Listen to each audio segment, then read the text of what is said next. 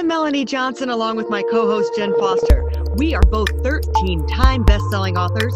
We've published over 2,500 books and made all of our authors number one bestsellers. We own Elite Online Publishing. If you want to become a best selling author, look us up at eliteonlinepublishing.com. Now, welcome to the podcast that shares secrets from top industry experts that show you how to get lasting success and results. This is the Elite Expert Insider Podcast. Hi, this is Melanie Johnson. I'm with Jen Foster. Hey, Jen. Hey, everyone. Hey, we are hanging out today and we are talking about resilience. So, if you're in the trenches and you're trying to pivot and you're having challenges and you're wondering how to be resilient, well, we're going to show you how today because we have an expert with us, Em Capito. I don't know if I said that right, Em. Is that right? Capito, yep. Capito, Em Capito. Okay, sorry. Em Capito's here with us today, and she is a specialist in resilience. So, welcome, Em. Thanks for coming. Oh, it's a pleasure to be here. Yeah, so tell us, Em, how you got into this and how you got into this field. Yeah, so I've been a psychotherapist for going on 14 years now. Um, but resilience, uh, you know, in the background, it was always a piece of my interests but they don't really train that. In in our western driven society we are trained around symptoms diagnosis and then you get into the field and you're focused on billing codes and documentation uh, and so I honestly didn't really enjoy my profession for a long time. And I, I really shifted heavily into business um, for a long time and, and loved that. Worked with visionaries, entrepreneurs, kind of took the skill set out of a clinical setting and took it into a business setting where I didn't have to deal with that uh, medical model um, because I felt so limited by that. And it was just very depressing to see clients be so disempowered mm-hmm. by the process. And I blamed myself initially. I thought I must not be a very good therapist. I need to learn more models. I need to be better at CBT and DBT and all of the acronyms. And there was this real sense of imposter syndrome and feeling inadequate until, you know, around um, 2015, I went through my own personal trauma and got to, it was so funny. It was like this bipolar experience of going through the trauma as a human. And then on the other side, being this incredibly curious, fascinated therapist that was like, wow, this is like, I get to witness this experience as an adult uh, therapist from the inside out and try things out on myself to know like what my clients have experienced and uh, I'm I'm a type A type overachiever personality anyway, and so I have to tell you, like, I, there was this piece of me that was like this competitive, I'm going to do trauma better than anyone else. like, I'm not going to be one of those people that has PTSD or has these lingering symptoms. I'm just going to bounce right back. Yeah. And that was the first thing I realized is that we don't bounce back. Mm. Like, that's a whole myth. The, you are a transformed person after every adversity in your life. Everything changes us, and you're never, your goal isn't to come back to baseline. Your goal is to grow through it and allow it to move through and transform you so that you can become who you're meant to be. It's really the goal of adversity is to give us contrast and appreciation and insight so that we mature and that's when I really dug into the research and had uh, the personal experience and then began applying it clinically. And here we are five years later, and it's just the most fulfilling, rewarding work I get to do. So you kind of touched on a little bit. I mean, is that how you would define resilience, or is um, like, uh, can you go a little deeper into defining resilience? Of course, yeah. Drawing on many greater minds than mine, um, including in particular the work of Viktor Frankl, who many know as the author of Man's Search for Meaning. He was an Austrian um, psychiatrist that was in the Holocaust and in the camps. Uh, and kind of similar piece, right? He was able to take that training and clinical background and apply it to observing what was going on in the camps and so uh, he defined resilience as the space between what happens to us and our response. So that space can be pretty big if we have a lot of resilience that day, or mm. it can shrink down to next to nothing. It's a skill. It's not something we're born with, and we can't build it up and then just keep it. It's like going to the gym anybody can do it and anyone can learn resilience, but it requires some awareness and practice. Mm-hmm. Jen, we can't hear you. Jen? Jen, you're, I think. Yeah, I'm muted. It's all good. Yeah, so um, I had a little bit of feedback, so I wanted to make sure I couldn't hear that in there. I was going to say, uh, given the, you know, with the pandemic that we're kind of in right now, what do you recommend to your clients to kind of overcome that and restore that and get their resilience back? Yeah, so crisis, as we already mentioned, is this opportunity and it's inevitable. Obviously, the pandemic is on a level that none of us expected, um, but crises happen all the time. And when we're in the midst of crisis, we tend to default to one of two default mechanisms. We either ignore the call to action and retreat into apathy, which we've seen in the pandemic of people that are like, I'm not wearing a mask, I'm not, I'm just still gonna go out, I'm having a barbecue. Um, or the flip side of that is we try to control the crisis through a storm of activity, which is most of us type A people, right? Like, I'm just going to plan my way through this and somehow prevent the impact on my life. And both of these resistance tactics deny the new reality in front of us adversity is inevitable part of our life, but suffering is not. We sabotage our own peace and happiness when we pinball between mm-hmm. fight or flight reactivity from one predictably unexpected challenge to the next, because there's always one coming around the corner. And this is where we get stuck, right? And feel helpless instead of becoming the hero of our own journeys by accepting, embracing the change, and leaning into the discomfort of the unknown given that every new challenge and every new opportunity even is fraught with the unknown so whether it's losing our job or getting a promotion literally everything we want in our lives has a prerequisite of resilience. And when we have that resilience we liberate our peace and happiness from happy conditions. We can have it at any time. Yeah i so, love that. sorry you mentioned discomfort. So um, why do you emphasize intentional discomfort this was my first aha moment in my own personal journey back when I was reeling from just trauma. And initially, you're just getting through the day. But then there comes this point where you're ready to move forward. And I had this like strong intuition in this one moment to book a trip to Puerto Rico. And I talk about this in my TEDx talk. So some people are already familiar with it. But I, I had never traveled alone. I had never traveled to like a Spanish speaking country. Puerto Rico, obviously, you don't even need a passport, but it it feels very foreign once you get out of the beaten path. Yeah. And so this was a huge uncomfortable thing for me, but I just followed that intuition. I'm also like a very frugal planner, right? I, like I said, I'm type A. I normally have a spreadsheet for every trip before I go on it. And this was so out of character for me. I didn't do any price checking. I didn't like comparison shop. It was, I think, two and a half or three weeks away. I just booked the trip, booked a place to stay, you know, did Airbnb for the first time in my life, um, which was an interesting experience. There's a learning curve, right? That that whole thing. My Airbnb didn't have hot water, so that was an interesting challenge. It also had chickens everywhere and no locking doors, um, and inhabited by like seven hippies who were like smoking pot all night. you know, one thing after the next. And I didn't tell really anyone that I was going except for a couple family members at the last minute. And they were, of course, very freaked out. And so that added to the anxiety. But stepping onto the plane was just this wave of discomfort, getting off the plane, picking up a rental car for the first time by myself, finding my way via GPS in a foreign country where the roads are not really mapped all that well to my Airbnb and settling in by myself, finding my way to, of course, a beach bar as soon as possible um, to have some amazing fish tacos and just start to unravel and unpack this experience.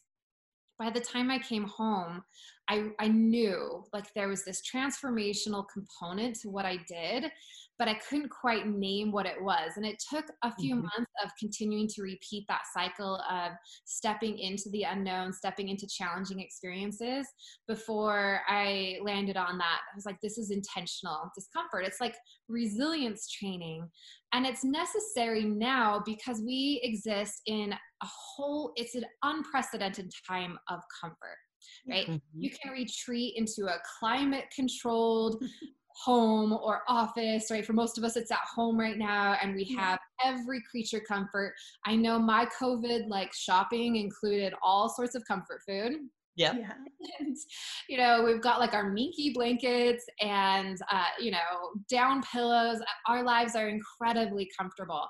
And it's a natural survival instinct to stay in safe spaces, right? Like yeah. that makes sense. Yes.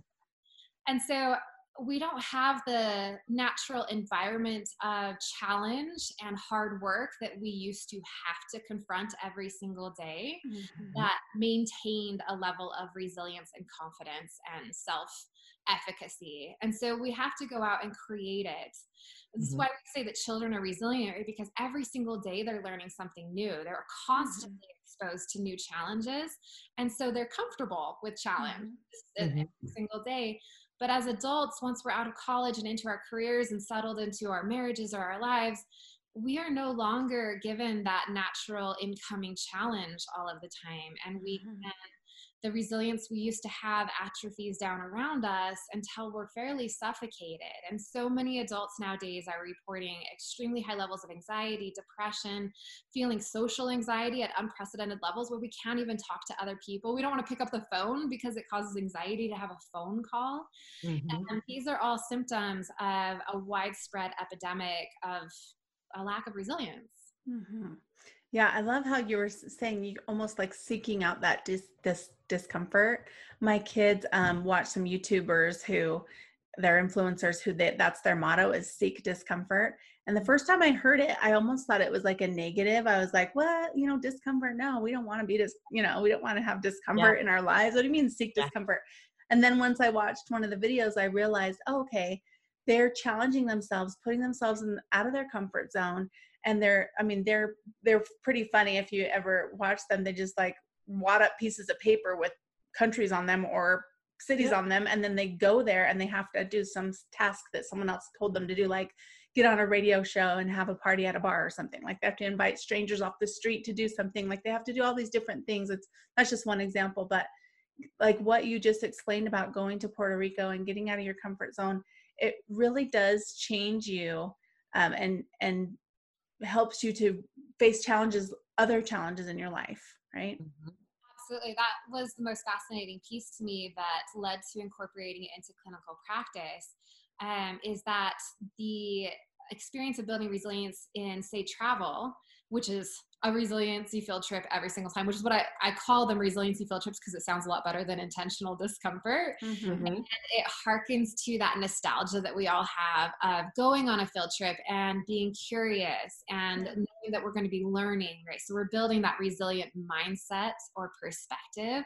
Mm-hmm. Uh, I am doing this intentionally and I'm going to just observe how what, how the fear arises, how the anxiety arises, and then I'm going to sit with it rather than running from it. Yeah. we build up resilience inside travel as the example. The, the fascinating piece is that that transfers immediately to every other aspect of our lives. So I have clients who um, have gone on a resiliency field trip with me. I do some group field trips throughout the mm-hmm. year, and then they go home and they break up with their significant oh. other. Oh. you know, or they sign up for college um, and they go back to college there's something that they want to do or they sign up for a pottery class like mm-hmm. once we start engaging in resiliency field trips and this intentional discomfort we become more comfortable the resilience zone grows such that we start acting on our deeper authentic bigger picture goals and intuition mm-hmm. i love that that reminds me of the movie eat pray love where she has to decide to put aside everything that everyone has told her she should be and go and figure out who she should be. yeah, absolutely. And we don't do that very often in our culture.